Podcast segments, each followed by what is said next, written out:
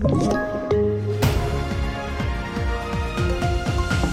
Vi börjar med att även Liberalerna nu ställer sig till de sammanlagt fem partier som kräver stopp för import av rysk gas. Vi hör till Fyra-nyheternas politiska kommentator Ulf Kristoffersson. Ja, de här fem partierna tillsammans räcker ju inte för att få en majoritet i riksdagen, men som vi ser så ändrar ju partipositioner väldigt snabbt nu, så det ska inte uteslutas att det ändå kan bli majoritet för den här linjen.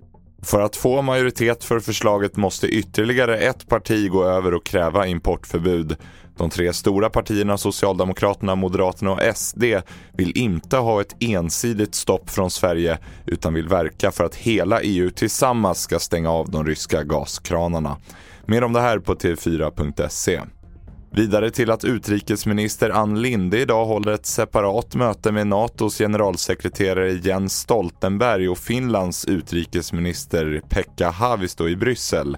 Det uppger regeringen i ett pressmeddelande. Mötet sker inför NATOs extrainsatta utrikesministermöte där Sverige och Finland är särskilt inbjudna imorgon tillsammans med andra samarbetsländer som Ukraina, Japan, Sydkorea, Australien och Nya Zeeland. Fler nyheter finns på tv4.se. Jag heter William Grönlund.